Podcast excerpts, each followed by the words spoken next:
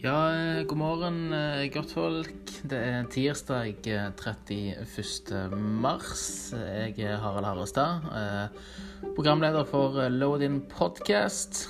Ehm, det er jo litt spesielt eh, akkurat nå for tiden. Jeg som mange andre er, er permitterte. Og i forhold til podkasten så tenkte jeg eh, følgende. Eh, nå har vi hatt eh, ti episoder eh, ute hvor jeg har eh, fått muligheten til å sitte og snakke med eh, noen av de kuleste i, i Stavanger sitt eh, yrende musikkliv. Eh, foreløpig nå så er det jo ganske vanskelig eh, å få muligheten til å sette seg ned med folk. Jo det som jeg liker best. Det å kunne sitte rundt et bord sammen, drikke kaffe sammen se hverandre inn i, inn i øynene på, på, på, mange måter og, og, og, og snakke sammen sånn. Det er jo ikke helt eh, å anbefale akkurat nå.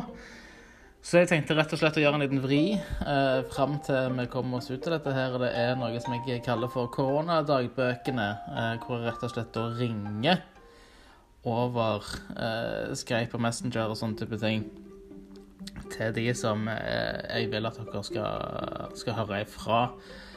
Eh, så det betyr at det er slutt for sesong én. Eh, vi går inn i sesong to, koronadagbøkene. Og første gjesten eh, vi skal høre fra, er Fede Brimsø eh, fra Prikkedøden. Uh, Fede er en naturlig morsom fyr. han er veldig hva skal man si, oppmerksom. Han eh, legger merke til ting eh, rundt seg og, og, med folk. Han er veldig, veldig flink til å eh, få deg til å slappe av og få deg til å føle som om du er med på vitsen. På mange måter. Eh, jobber hardt, tror på seg sjøl. Uh, og, og, og kjører på ufortrødent videre. De er nå ute Eh, med eh, sitt tredje eh, studioalbum. Det i seg sjøl er jo en, en bragd. Det er ikke alle band som Iallfall ikke her lokalt som som holder ut så lenge at de kommer til tredje albumet. Det er jo Da er vi jo oppe i Kvelertak Slutface-territoriet. Plutselig. Uh, og Prikkedøden uh, sitt uh, siste album kom ut 6.3.2020. Det er Kors på halsen, ti slag i Lamarsen. anbefaler dere å, å, å, å, streame den så mye som mulig. hvis du da sender en melding på Prikkedøden sine sosiale medier eller til Feder Brimsø himself Eh, så har jeg i alle fall opplevd at han kjører òg ut med fysiske eksemplarer av albumet eh, mot Vips. Eh, som en eh, litt sånn Breaking Bad-scenario, eh, bare at istedenfor dop, eh, så er det, så er det da skatepunk fra Madla. Eh, det setter vi alle veldig veldig stor pris på, så plukk opp gjerne et eksemplar av det. og Ta godt imot uh, Fede Bremse, folkens. Hallo, uh, Fredrik uh, Hallo, Harald Harestad. Det var veldig så formell vi var i dag. Ja, jeg tenkte jeg skulle bare skru på den formelle tonen, sånn at du skjønte at nå tar jeg opp. Fordi vi er jo dessverre ikke i samme rom. Nei, og jeg blir jo alltid veldig fornærma når folk jeg kjenner, kaller meg Fredrik. Så du starter jo egentlig på feil fot her nå, men du jobber deg nok inn igjen. Jeg skal, jeg skal prøve veldig hardt på det. Konge. Uh, fortell litt uh, hvor, du, hvor, du, sitter nå henne. Nå sitter jeg i sofaen. Jeg har akkurat vært og lufttørka etter jeg dusja, for det har jeg sans for å gjøre. Okay. Og jeg uh, ja. Jeg har lest 120 sider av ei Tore Renberg-bok, og nå gleder jeg meg til å snakke med deg. Så bra. Hva, hva vil det si er lufttørke? Altså, er det Nei, jeg har, så, jeg har sånn en tander hud, så, så, etter jeg har vasket vasket, da uh, pleier jeg å rett og slett uh, la det stå til og bare stå der og tørke litt. Ja, så Rister du liksom sånn som en hund, eller? Ja, nei, jeg, jeg, La meg si jeg eh, kombinerer litt, så det er håndkle òg involvert. OK. Det er ikke drypptørke fra ende til annen. Nei, for jeg begynner å tenke på en eh, gammel eh, Hans Borten Hansen-vits her nå, at han må, drypp, han må drypp, helst drypptørke. Ja, stemmer. Nei, jeg er ikke helt der. Jeg, eh, jeg er vel litt heller der at jeg ser på det å ha dusjet. Og jeg, jeg blir så græla varm og greier, så jeg Ja, må bare komme meg litt. rett og slett. Ja. Det, kan det ha, altså, så det har noe med at temperaturen i vannet blir for varmt, eller hva? Ja, det tror jeg, men jeg har jo òg kjøpt et eh, Eller kjøpt og kjøpt. Jeg har fått et råd av en eh, ganske sånn up and coming eh, komikerkollega som heter Karsten. At uh, før han Eller jeg tror han har en litt lengre seanse med dette, men de siste 30 sekunder jeg står i dusjen, så har jeg grævla kaldt vann. OK. For, for det skal visstnok da eh, Altså, det er jo litt sånn mindfuck. Det er jo litt sånn som de som sitter i badstua og så hopper uti eh, sånn isvann etterpå. Jeg er faktisk ganske fan av kalde dusjer, jeg skal innrømme det. Ja. Eh, helst ikke sånn det, Jeg kan si det sånn, jeg, jeg tar en kald dusj hvis jeg skal noe viktig den dagen. Ja, men det er, det er ikke så dumt, altså. Nei. Jeg, eh, det hender jo at hvis du blir stående på badet for lenge, så kan du jo dyrke all slags uh, frukter inni der etterpå. Så det er greit å holde temperaturen litt sånn stødig. Vi er jo faktisk uh, ikke bygd for sånn 40 grader ikke mer. her. Nei, det, det, kan, godt, det kan godt stemme, det, altså. Vi her, det var en veldig dårlig frasering. Jeg burde kunne bedre. Men OK, nå ble det sånn denne gangen. nå ble det sånn. ble det sånn. Hvor er det du holder til hen for øyeblikket? Er det Jeg holder til på Viste. Du visste? Ja, jeg bor så nærme sjøen, vet du. Ja, jeg har eh, familie der ute. Eller hadde. Ja, Skjøt du de, eller hva skjedde? Nei, de ble gamle. Ja, de ble gamle, ja, OK. Ja, nei, da så. Så nå Jo, det var fint, det. eh, Han ene gjenlevende han bor på Endrestø. Ja, men der bor jeg òg. Ja. Det er vel strengt tatt Endrestø det heter der jeg bor. Altså, for de som ikke er kjent, så pleier jeg bare å si vet du hvor Kværnervika er? Så sier de ja, så jeg er rett forbi det. Rett forbi der. Du tar en eh, skarp høyre i Ja, rundkjøringen Ja, med rett til venstre blir det jo strengt tatt fra Haalandsvannet.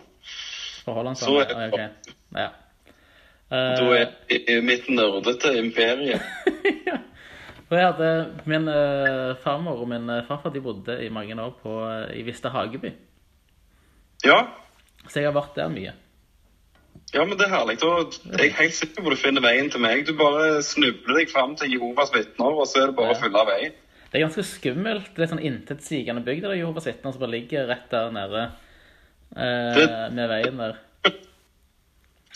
Og det hender at de møtes der, ganske mange folk. Ja, jeg forstår det. Og det der og bussen snur trien. Ja. En, en liten fun fact. eh, ikke for å liksom drive og selge inn min egen musikk sånn altfor tidlig, i hvert fall, men eh, vi har en sang som heter 10 000 timer. Ja. Og da snakker jeg jo om en som dumpa meg, og det skjedde faktisk på parkeringsplassen der med Jehovas vitner. Ser jeg? Ja. Det er litt av en, det er litt av en plass. eh, Og, eh, altså ble du frista Var det sånn at du ble frista til å gå inn døra? Altså, jeg satt i den samme sofaen som jeg sitter i nå, og snakket på FaceTime i likhet med nå, og så ble dekninga så grævla dårlig at jeg måtte rett og slett komme meg ut.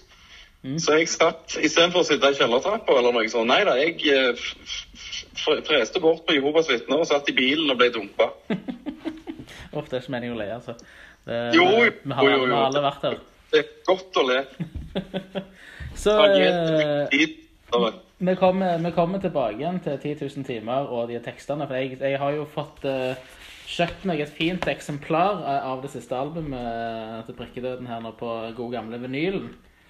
Ja, det var veldig kjekt, for da har jeg bare 75 igjen jeg må selge, så jeg er i Men eh, før, vi kommer, før vi kommer der, så skal vi ta en liten eh, brief liten update på, på hvem er det du er. Altså, hvor var det du vokste opp henne? Jeg vokste opp på Madla, i, midt i snobbelandsbyen. 4044, der vi aldri har sett en bil med grønne skilter. OK. Så der holdt jeg til, og bodde jo der fram til militæret, vel. Hvordan var det, Hva skole var det du gikk på? Jeg gikk på Madlamark eh, barneskole, så jeg gikk på Gosen. På Gosen? Og da kommer vel oppfølgingsspørsmålet. Å, var du med på revyen? Og ja, det var jeg. Og skal jeg fortelle hva rollen min i 9. klasse var? Ja. Da, da trenger jeg litt hjelp av deg. Hvis du synger uh, den første linja i refrenget til Who Let The Dogs Out Who let the dogs out? Spilte du en hund? Jeg spilte en hund. Det gjorde jeg i 10. klasse, så ja da. Det var Alle stjernene på stjernehimmelen lå bare og glimta. Det var sinnssykt kjekt. Dette lovte godt. Ja da, ja da. Det er jo kjekt med revymiljøet. Gosen er jo ganske liten skole i og for seg, så husker, Vi måtte jo, vi er jo ikke så langt ifra hverandre aldersmessig. Nei. Eh, Så jeg har nok Når var det du var Hva årstall er det vi snakker om her nå? 2001 og 2002 var jeg med på revyen. 2001 og 2002, ok, da vet jeg så mye vi, jeg har minner av at vi opptil flere ganger tok den lange turen fra Tasta via sentrum. Eh, og nå husker jeg ikke helt hvor, hvor Gosen er sånn i farten. Nei, altså Du var altså på en liten kulturell ekskursjon. Altså, Ja, Gosen er jo i luftlinja nokså parallelt med Møllebukta, egentlig. Så vi kom, vi kom der, så var det sånne dagtid-forestillinger for, eh, for alle skolene i hele, hele Stavanger-regionen. Stemmer det. Da var du med på Hvor mange forestillinger måtte dere gjøre? Eh, det var vel to på dagtid og én på kveldstid, eller hvordan det var. Mm. Så hvis du så en litt sånn eh, blodfattig hund som lå der og bje- bjefte sammen med 35 andre hunder, så, så var det meg. Jeg husker eneste minne jeg har fra å sette live, var på en eller annen markering, om det var sånn tiårsjubileum eller 20 eller 35 eller hva det måtte være, hvor det var en gigantisk sånn lollipop slash slikkepinne. Yes, det var i 2000, det. Det var i 2000, ok. Såpass eh, gode husk har jeg. Det var i år to, herrens år 2000, som vi kaller det. Ja. Det husker jeg, det var jækla, jækla inspirerende, husker jeg. Ja, altså det er jo ganske fett eh, hva de har fått til. Men det er klart, nå har de jo holdt på på Gosen med revy i 30 år vel snart. Ja. Men eh, den gangen så var det jo ganske gjevt. Jeg husker det var liksom sånn avslutningsnummer der, så husker jeg det var alle på scenen, og det var liksom en skikkelig sånn gaulete sang som var typ uh, Hei, hei, ikke la folk trå deg ned. Så, Ja, den har vært med i flere revyer, den. har vi? Jeg vet for sang du mener. Den var med i første... Herregud, nå kommer jeg ut av skapet som en med pinlig god hukommelse her. Men eh, Det er så bra. Den mener jeg var med i 96 eller 97. Ok, så det er en klassiker uh, å regne. Og tilbake i 2000 så har jeg jo sikkert Ja, for de har jo begynt å resirkulere litt, så han har sikkert vært med i 2011 og 14 og 15 og 19 òg. Men altså sånn som Da var jeg da i 2000, da jeg 12. Uh, og som en litt sånn angsty preteen uh, på vei ut av Y2K-panikken, Ja. eh, som jeg husker, husker veldig, veldig godt, så var det ganske sånn oppløftende inn Nå skal du snart inn på Altså inn på ungdomsskolen? Ja, du er på vel i åttende klasse da, kanskje? Tolv år? ja, Er ikke du ett år yngre enn meg? Jeg er 88-modell. Ja, to år. Ok, For da gikk jo du strengt tatt i sjette klasse, du, da. I når jeg var tolv år? Ja, eller hvis du var der i 2000. Mm. Da gikk du vel For da gikk jeg i åttende. Jeg husker jeg hoppet over, jeg hoppet over tredje, du hoppet sikkert over fjerde. Nei, jeg hoppet over sjette. Nei, jeg gjorde ikke. Jeg hoppet over femte. Femte, sorry. Ja, ja to år med da. Eh, så da kan det være Jeg tenker at jeg gikk i sjuende. da, for Da jeg gikk, begynte i åttende, så ble jeg vel 13. Ja, jo, sant nok. Ja. Så da eh, er det noe løye med Nei, altså Nei, men her, men tid på året følger du? Eh, November. Ja, for da var jo du i begynnelsen av 2000, så var jo ikke du fullt tolv ennå. Nei, jeg var ikke det. Så da var du elleve. Så da ah, Ah. takk. Det var godt du fikk nøste opp i det. Det hadde. Så hvor eh, Når du, du gikk, eh, gikk inn i militæret, og der er du ett år? Der, ja, de, de fikk ikke holde meg lenger enn det. Nei, det, det forstår Så jeg vel. eh, kom jeg hjem, og så hadde jeg jo blitt, eh, blitt, blitt beten litt av den der revy- og show- og humorbasillen. Ja. Og jeg syns det virka så vrient å få til å spille i band. Så vi begynte en gjeng og så lagde noen revyer med en gruppe som To voksne og et barn. Og så hadde vi hadde jeg vel én fot og vel så det inne i Studentrevyen i en del år, og så begynte jeg å gjøre standup. Og så, så ble vel egentlig humoren mitt sånn store virke da. Pluss jeg hadde alskens sånne løgne dead end-jobber utenom. Jobbet på SFO og jobbet på, i døra på Sementen, blant annet. Ja, ja, nice. Jeg tror første gang jeg kan huske å ha møtt deg, var i eh, bryllupet til Christian Stendal Haugen. Ja, stemmer det. Hvor jeg var, eh, hvor jeg var forlover. Eh, Ja, og du var toastmaster. Ja, bare skreit. Jeg var forlover. Han liker meg bedre enn deg. Det, ja, det var stas, altså. Det var stas. Um, og det må ha vært da i 2012-13. Ja, eh, skal vi se. Jeg prøver å vri hodet nå. Så hva er det som sånn, Når var det du begynte med musikk? Altså, har du musikalske foreldre, eller har du showbiz-foreldre, eller hva? Nei, overhodet ikke. Så alle jeg møter, så kjenner de helt sånn Ja, hva bytta Fikk de feil kid? Eller hva? Nei, overhodet ikke. Eh, Jeg kommer ikke fra sånn kultur-, sang- og dans hjem i det hele tatt, egentlig. Nei, nei, nei. nei. Hvor jeg fant ut av det der det er jeg litt usikker på, egentlig. Men det er jo ganske likt. Altså, eller kanskje ja, Vi hadde jo i min familie òg, så hadde vi jo mor sang i kor, og far kunne spille piano. Eh, selv om han ikke gjorde det så veldig ofte.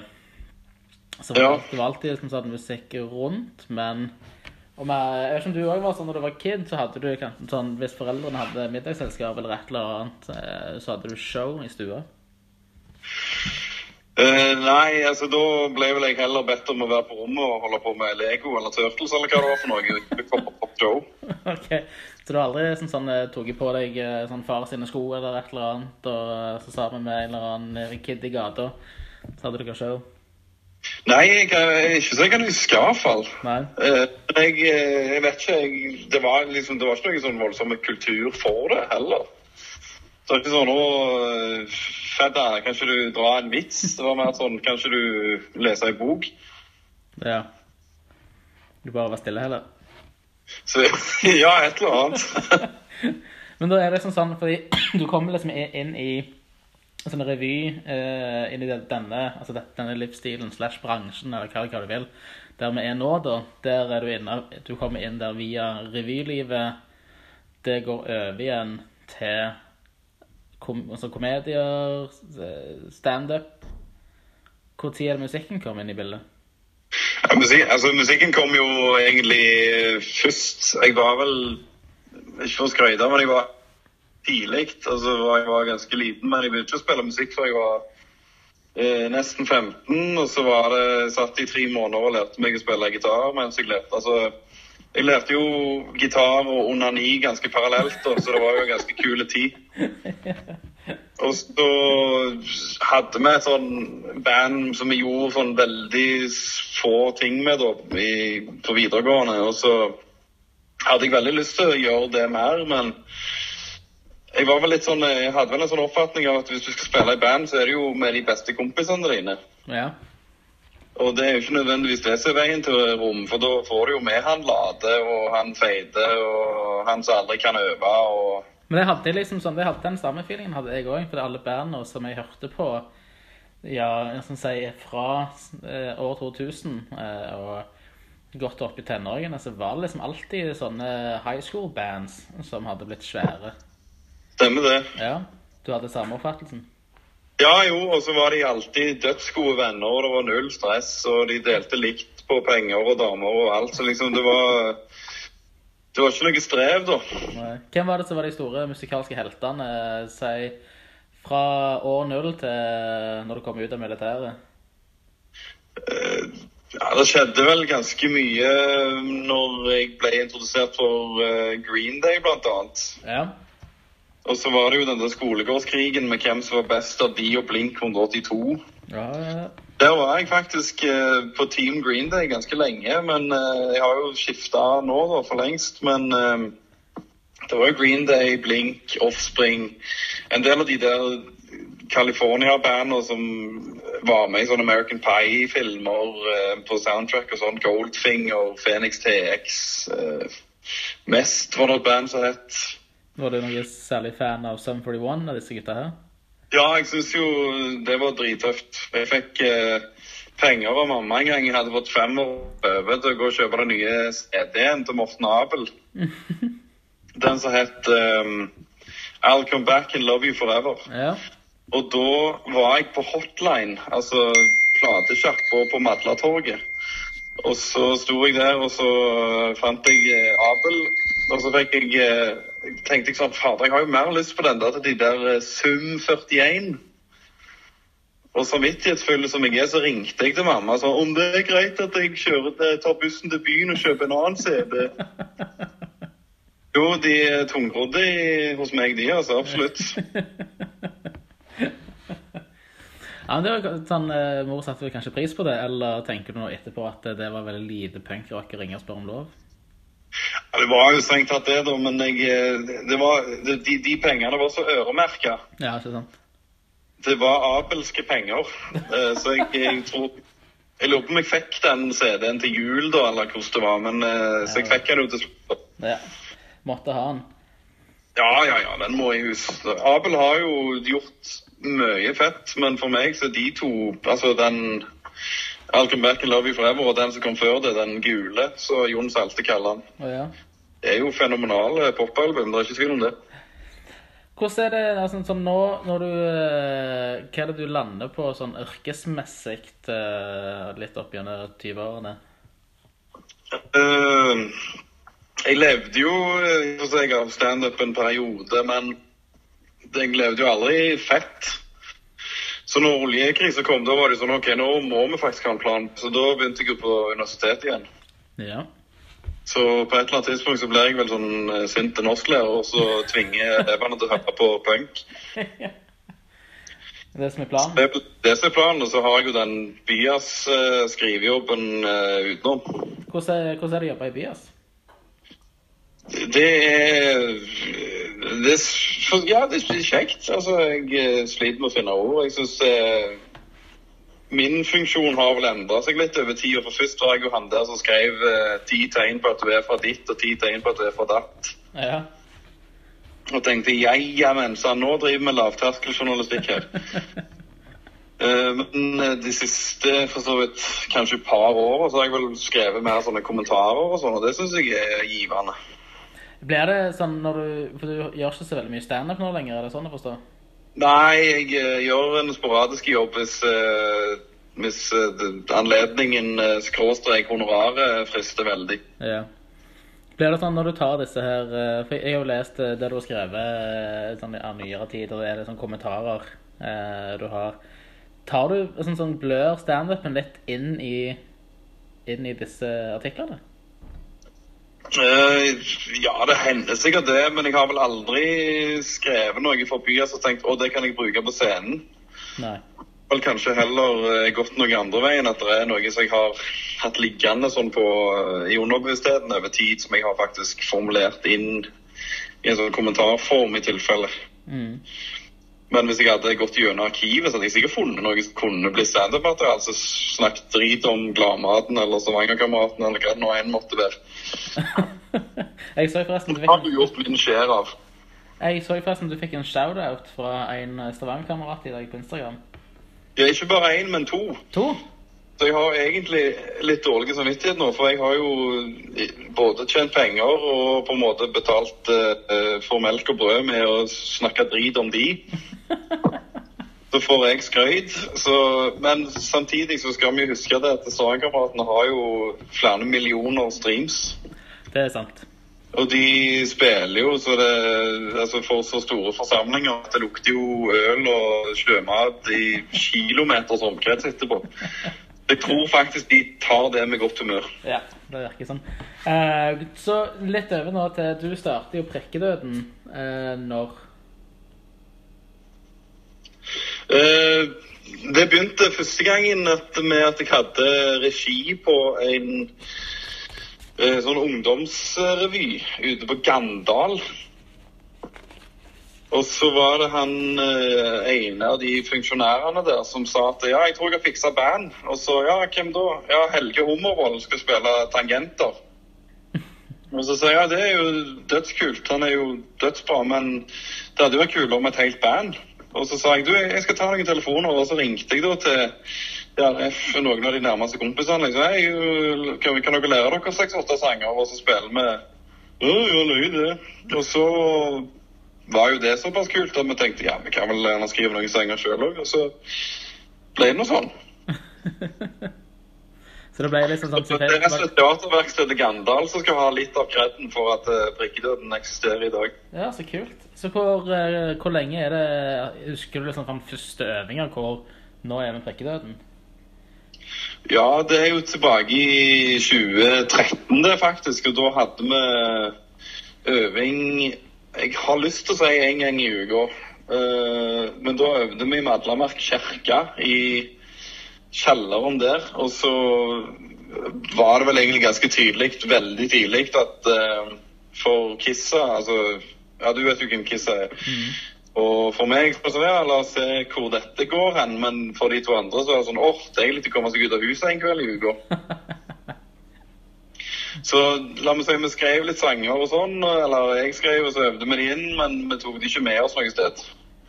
Nei. Så det ble vel egentlig mer sånn gutteklubb fram til for så vidt 2016. Men det var allerede da for deg så var det noe mer enn eh, bare en eh, unnskyldning for å komme seg ut av huset? og... Ja, men det er jo liksom den der the blessing and the curse med å være såpass uh, nerd som jeg er. Hvis jeg først eh, får teften av noe, så har jeg lyst til å se hvor det kan gå. Ja, ikke sant? Det er ikke nødvendigvis at jeg drømmer om å selge ut Viking stadion. Liksom. Jeg tenker OK, jeg har et band, da vil jeg jo i studio, da. Da vil jeg jo spille live, da. Ja.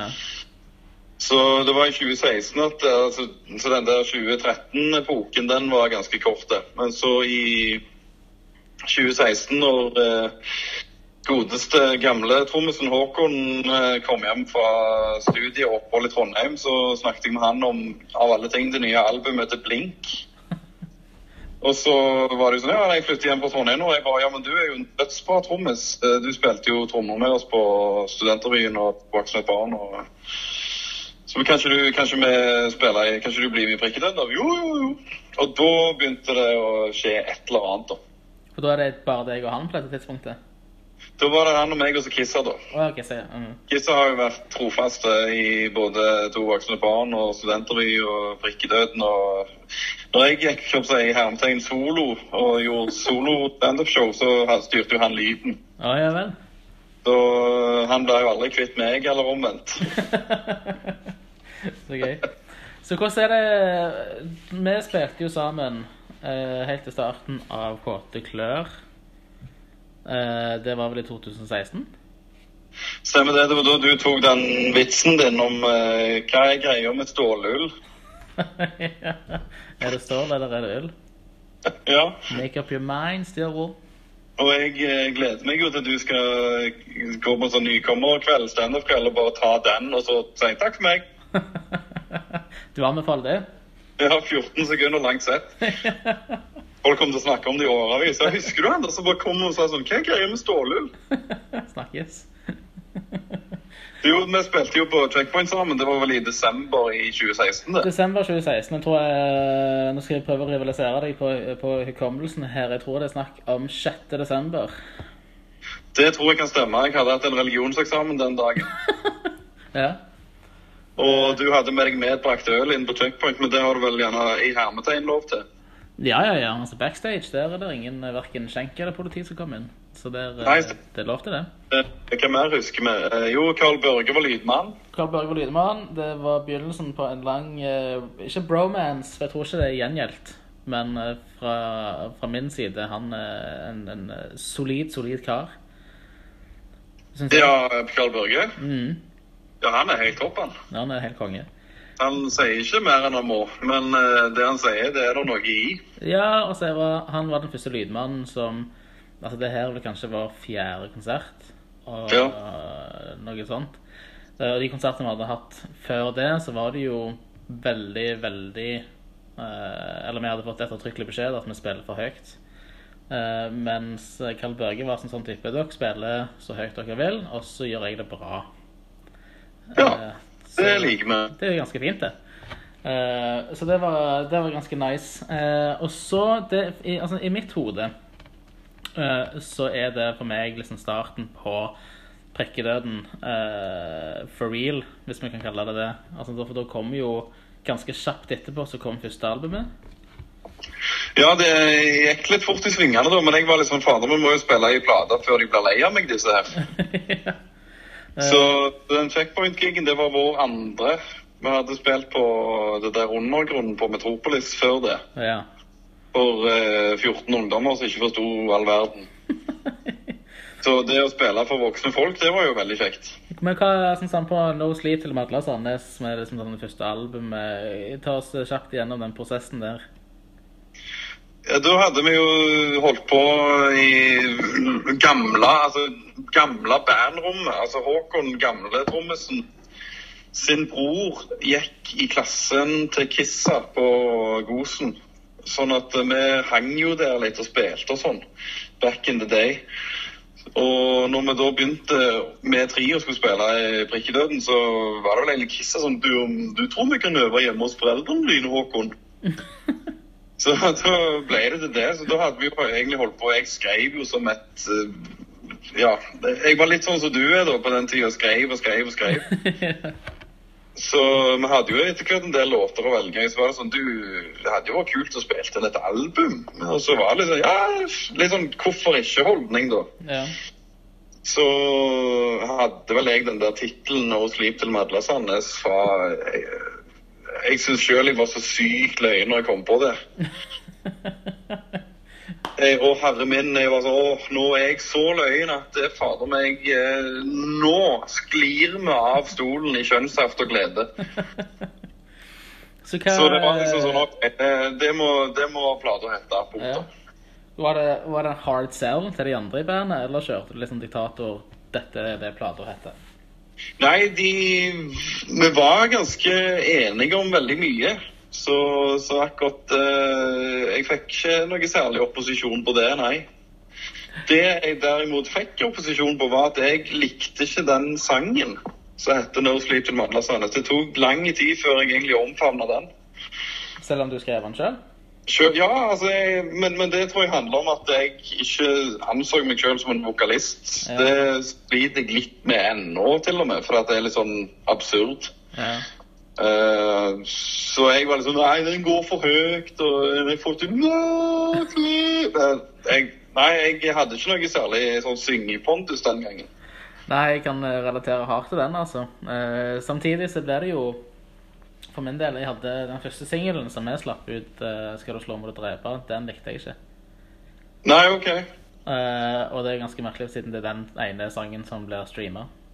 Hvis det, det hjelper, så liker jeg den veldig godt. Ja, sånn sånn, jeg har omfavnet den nå. Uh, det har jeg. Men når vi skulle bestemme oss for hvilken av de låtene vi hadde spilt inn som skulle være første singelen, så stemte jeg nei på Hvor skal du slå, må du drepe. Jeg ville ha en sang som heter La dagene gå, heller. Ja, OK. Nei, det er jo lov å ta feil. Det er Altså, lov å ta feil, rett og slett. den er jo meget kul, og der treffer jo du oktaver som jeg ikke visste fantes. Det er litt sånn eh, pinsett i lomma er trikset der når du spiller inn. Ja, OK. Ja, det Jeg hører knip igjen ræva, jeg, men det Så hva, sånn jeg, vil ha, jeg, sånn, jeg har en favorittsang på det albumet der, 'Supernova'. Ja, jo, takk. Kan du få repetere meg litt om, eh, om, om den tekstmessig?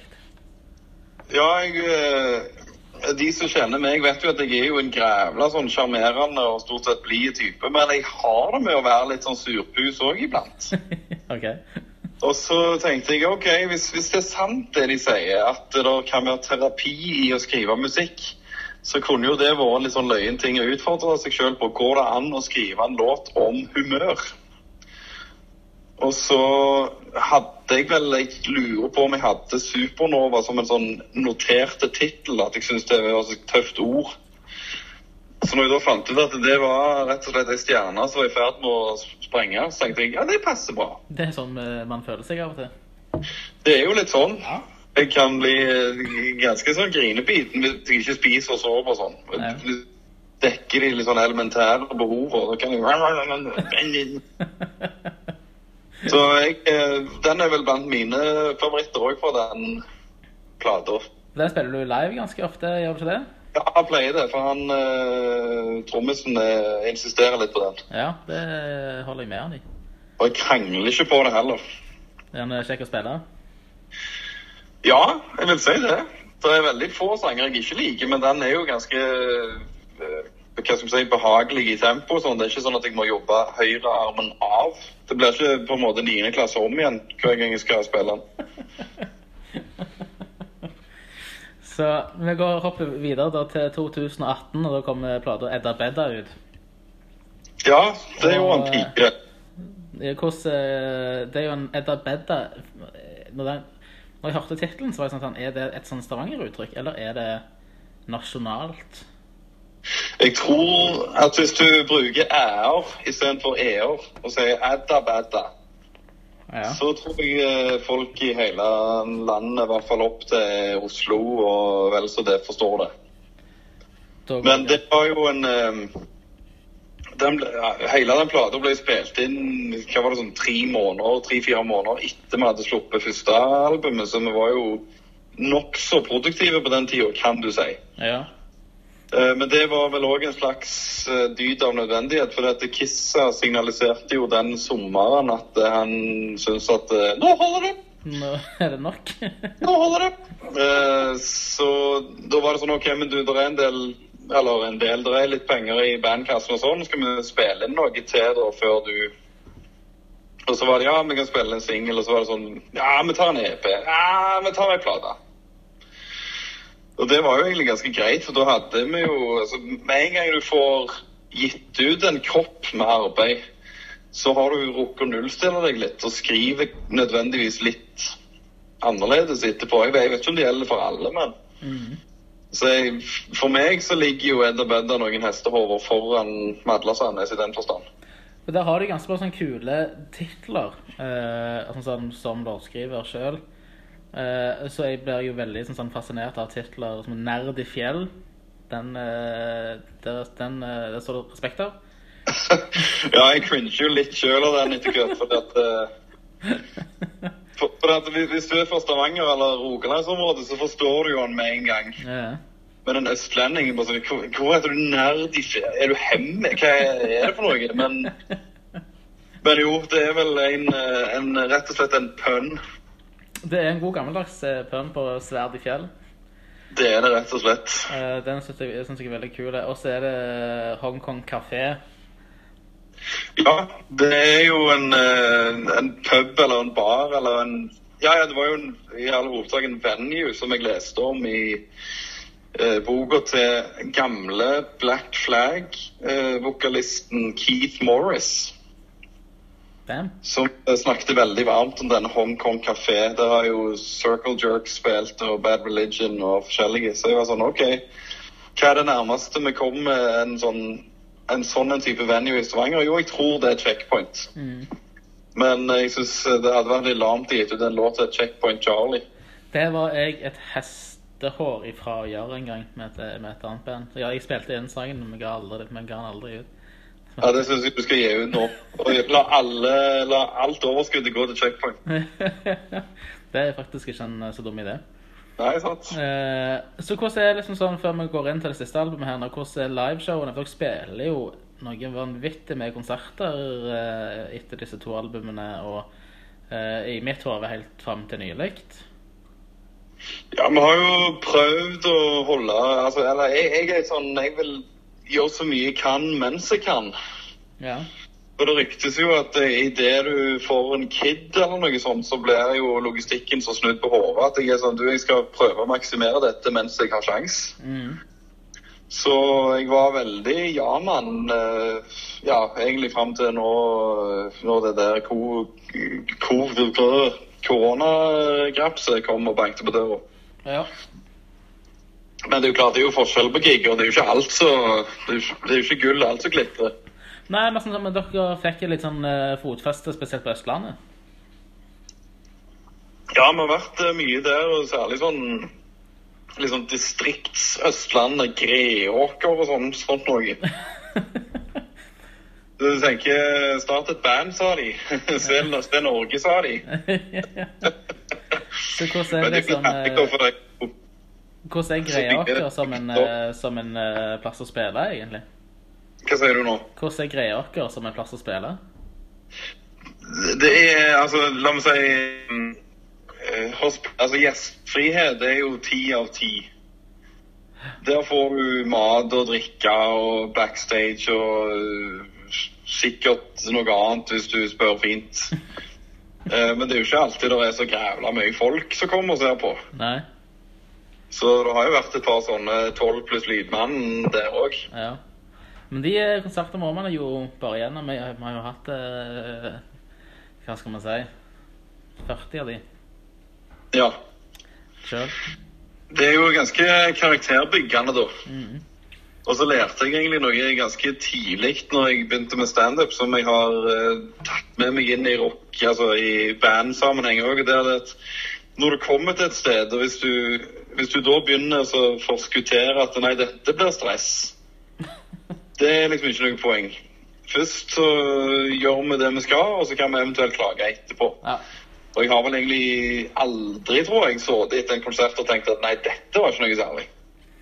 Nei, og det er sånn jeg, det, det er jeg enig i. Jeg har hatt konserter hvor jeg har gått av scenen og tenkt Wow, dette var dårlig.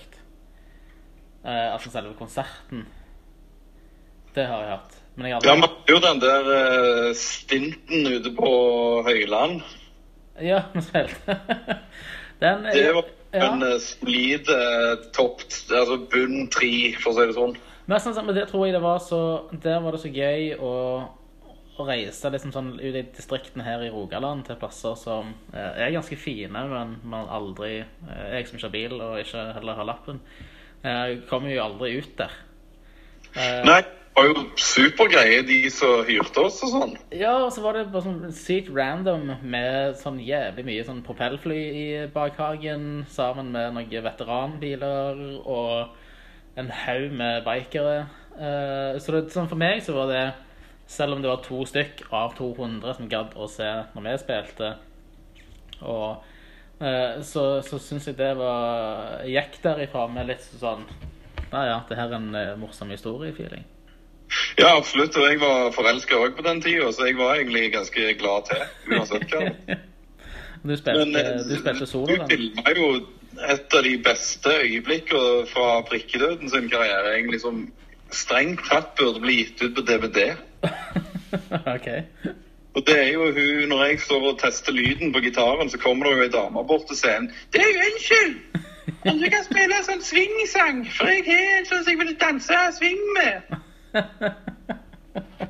Og hvorpå jeg da svarer 'sving'. Jeg syns det klippet der, det burde blitt en DVD. Det er en merch-idé. Det er en merch-idé i seg selv. Vi kan begynne å selge sånn enkelt-CD-er med ei sånn enkle klipp. Ja, det, det tror jeg. Det, det, det må bli en bundle på et tidspunkt. No sleep til uh, Høyland. Var det Høyland heter, ja? Ja, jeg tror det. Mener det. Så gøy. Eh, så hvordan er det når du er ute, ute på veien? Hvem er det du spiller med nå? Altså i, i brikkedøden, eller i I prikkedøden, ja. Ja, da er det jo godesten Eivind som spiller trommer, og som jo strengt tatt har vært live-trommist siden Ja, det begynner å bli et par år siden det nå. Det, han er jo òg for så vidt medlem i Prikkedøden, men han har jo begynt i Oslo S, så hans tid er jo litt begrensa, selvfølgelig. Ja. Ja. Så er det jo Vi har jo egentlig hatt like mange folk på gitar som det er folk som får juling i sånne asiatiske kampsportfilmer. Men nå i det siste så har eh, en som heter Håkon Bråten fulgt inn. han spiller i Kompass til vanlig. ja. Så en vakker dag så har vi gjerne en eh, gitarist som er fast. Det får vi se på. Men hvordan er det med øving når, du, når man bytter, bytter medlemmer og sånne ting? Altså, Nei, altså det, det har jo ikke vært medlemmer. Det har jo vært altså det har jo egentlig bare vært ett medlem på gitar, og det har jo vært Kissa. ja. Så det er sikkert jeg som i underbevisstheten går og håper at han skal få sånn 35 års krise og spør om å få bli med igjen. De bare, de bare holder døra på vidt gap i tilfelle han føler, for, føler kall igjen. men, det, men det er jo sånt som skjer. Ja, ja visst er det det. Så altså, sånn øvemessig så har vi jo der er vi jo gjerne ikke så flinke, men vi er jo veldig sånn prosjektbasert. at Hvis vi skal ut og gjøre et eller annet eller vinne ting, så får vi det jo gjort. Ja. Det er bra. Så, Jeg tror jeg aldri vi har blitt beskyldt for å ikke være teite, f.eks.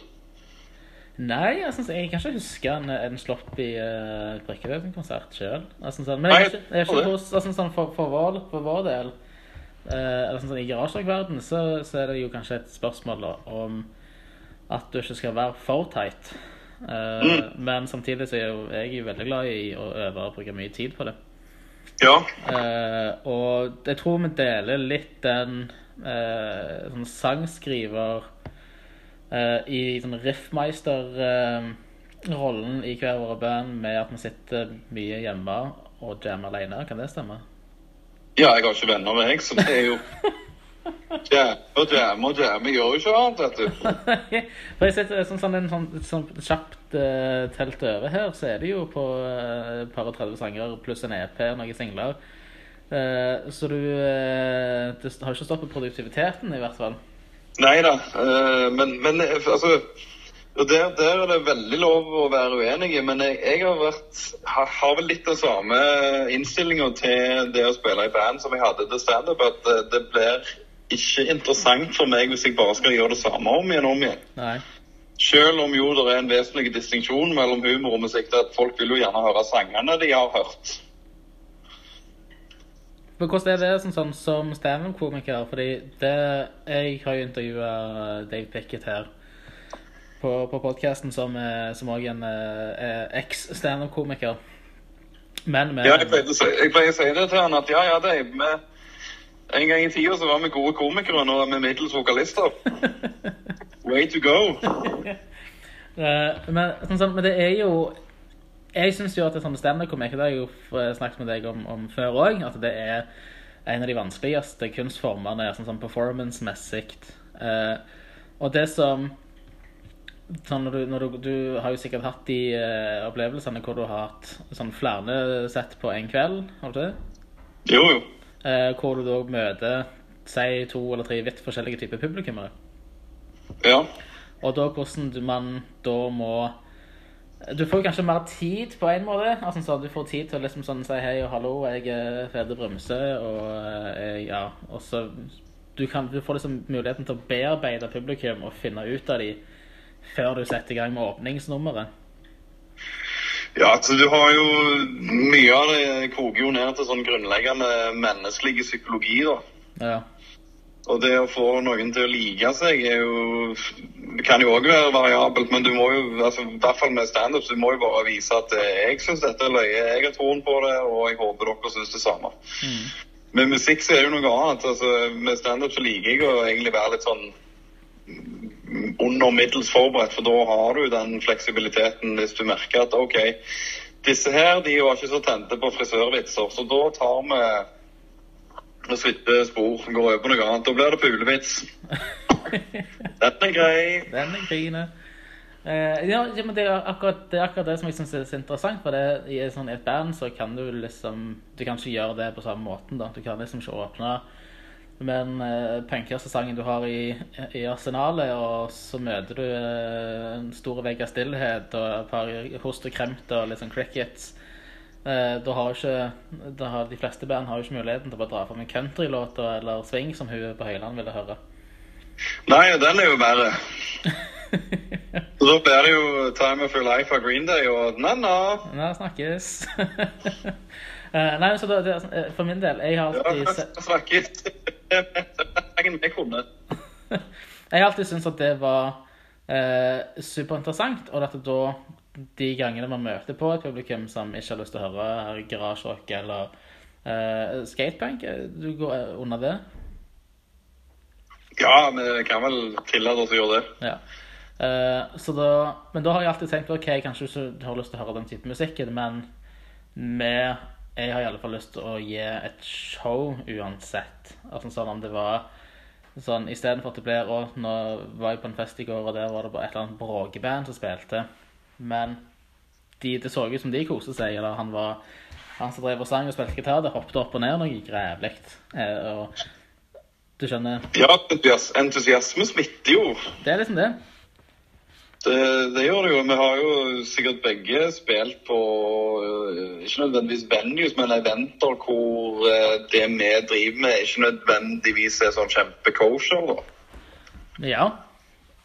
Vi hadde jo en gig på sånn landskonferanse, eller i hvert fall sånn uh, fylkeskommunekonferanse. Ja, Der traff jeg jo din kjære mor, blant annet. Ja, stemmer. på det der Smiso, en sånn øh, konf ganske heavy konf- konferanse da, med temaer om overgrep mot unger og masse sånn greier som det. da. Ja, ja. Og der hadde jeg jo hyrt inn oss til å spille liksom, etter lunsj. Jeg fikk, jeg fikk, jeg fikk en del snaps. Det var jo, men, men det var jo faktisk en av de gigene jeg ser, bak, ser tilbake på med mest sånn smil og godt humør. og tenker fy søren, så kjekk. Ah. Der, Selv om da halvparten av salen sitter og holder én fing i ett øre bare for å dempe lyden litt. ja. For da blir det jo sånn at når, hvis du kommer med noe som er totalt motsatt, så kan jo det jo passe. Eh, Hvis, hvis det er en sånn tung konferanse som Snedag, hvor de snakker om eh, tunge ting, så er det jo litt sånn eh, livsglad skatepunk fra Madla kanskje det som er akkurat den medisinen. Ja, det var enormt eh, positivt overraskende for oss i hvert fall at vi tenkte «Hæ? De smiler jo, og de ler jo, men det, jeg, ble, jeg ble jo sikkert litt sånn 50-50 musiker og komiker på den gigen, for det var jo bare damer i salen. Ja. Så da var det bare å dra på med den ene vitsen etter den andre, og de humra og lo og sånn Ja, nå skal vi bråke litt til. Å nei, fingeren i øret. Så nå er vi i eh, 2020, og albumet eh, 'Kors på halsen', 'Ti slag i lamasen', har eh, kommet ut. Det har det piker, det. Eh, det er album tre. Hadde du trodd at du skulle gi ut tre album? Eh, ja, fordi jeg var så dum en gang at jeg sa det høyt. Jeg sa vi må i hvert fall lage tre album. Så ja, jeg var ganske sikker på at det kom til å skje. Eh, Men det er jo alltid en eh, logistikk- og økonomidel som en jo må løse. Men eh, jeg, hadde ganske, jeg var ganske sterk i troen på at det kom til å bli et, et album tre, ja. For det her er i Storytel Recording, Det er det. og det er et studie du kjenner veldig godt til fra før av, forstår jeg. Ja, ja, ja. Vi har jo, det er jo sånn permanent rævmerke etter meg i den sofaen der. Eh, hvem, eh, Fortell litt om han eh, Mank the Tank. Mank the Tank, det er jo eh, Jørgen Manke som er jo så fint heter. Det er jo egentlig veldig ironisk, for han er jo kjempetynn i håret. Men han, eh, han ble jeg kjent med via egentlig en, eh, en komikerkollega som heter Tom Veum. For han hadde fått realisert guttedrømmen om å bygge seg et studio. Og så, når vi da skulle, når vi begynte å snakke om at vi skulle kanskje gå i studio, så spurte jeg jo Tom sånn instinktivt så, sånn, Det er studio deres, er det oppe og går? Og så ble jeg kjent med han Manken, og så var det sånn, ja Vi var jo livredde, for jeg hadde i hvert fall jeg hadde ikke vært noe særlig i studio før. Eh, og Manken var vel òg litt sånn, har i hvert fall sagt det, med litt sånn kjærkomment minne at han uh, ja, jeg var jo litt skeptisk da jeg hørte det skulle komme punkband. Jeg så for meg ja, der kommer de med heroinsprøytene i armen og liksom Men så kommer det jo tre sånne skikkelige svigermorsdrøm gående inn dørene. Så etter det som egentlig altså, har jeg tenkt litt sånn Never change a winning team. Det er bra han utfordrer oss på sangene, og så har vi det kjekt å spise kebab på det som nå heter Yummy Time ute på Kverneland. På Yummy Time. Ja, det, det heter i hvert fall det før. Du, du kan jo ikke gå sulten ut til er yummy time. Nei, nei. Uh, sånn kjapt gjennom uh, tekstene her, og sånt, så virker det som at det er ganske intro... Ikke introvert, men introperspektiv. Er det, er det et ord? Eh, Ja, det er jo sånn uh, sjølransakelse, som de vel fint kaller det. For her er det jo en sang som heter Balladen. Ja. Den er dedikert til ja den er vel eh, i all hovedsak om hvordan jeg sjøl opplevde å liksom komme i den der adolescent-alderen. Ja. Og føle at det var ikke så populært det jeg eh, holdt på med hjemme, altså. ja. Så ja, det er jo mye mange dypdykk inn i egen psyke og virke og gjøren og ladende og sånn. Men det er jo kommer jo som regel noe godt ut av det på andre sida. Og der har vi jo òg en sang som heter Stavangericana. Ja, den eh, liker Kevin veldig godt. Kevin Jelnik Ja, fra Bredelig Jesus? Godesten eh, som snakker så vakkert gebrokkent at jeg blir munter av mindre. Den er, ja, altså, Det er jo sånn slags antitese til alle disse her Stavanger, Stavanger, herlige by-låtene som verserer. Ja, nice. For jeg eh, jeg kan, jeg kan altså, Jeg er vel en slags romantiker på min hals en eller annen plass. Men jeg får òg litt fnatt av sånn Alt er så snilt og fint og vakkert og søtt og deilig. Så da tenkte jeg OK, er det bare positive sider med den her økonomiske velferden? Nei. Og dermed så kom den. Kaboom. Kaboom. Kaboom, sa det. Kaboom, sa det. Det er en eh, veldig, veldig bra plate du har lagd der, eh, Fede. Takk for det. Hva, kjekt du syns. Du har jo til og med betalt penger for den. Jeg har til og med betalt penger for den, og du eh, kjørte den ut i reneste Breaking Bad-stil eh, her til, her til Våland. Ja, det har vært en skikkelig sånn DIY de siste dagene. Så jeg, har jo, jeg er jo på fornavn med alle på postkontoret der borte nå.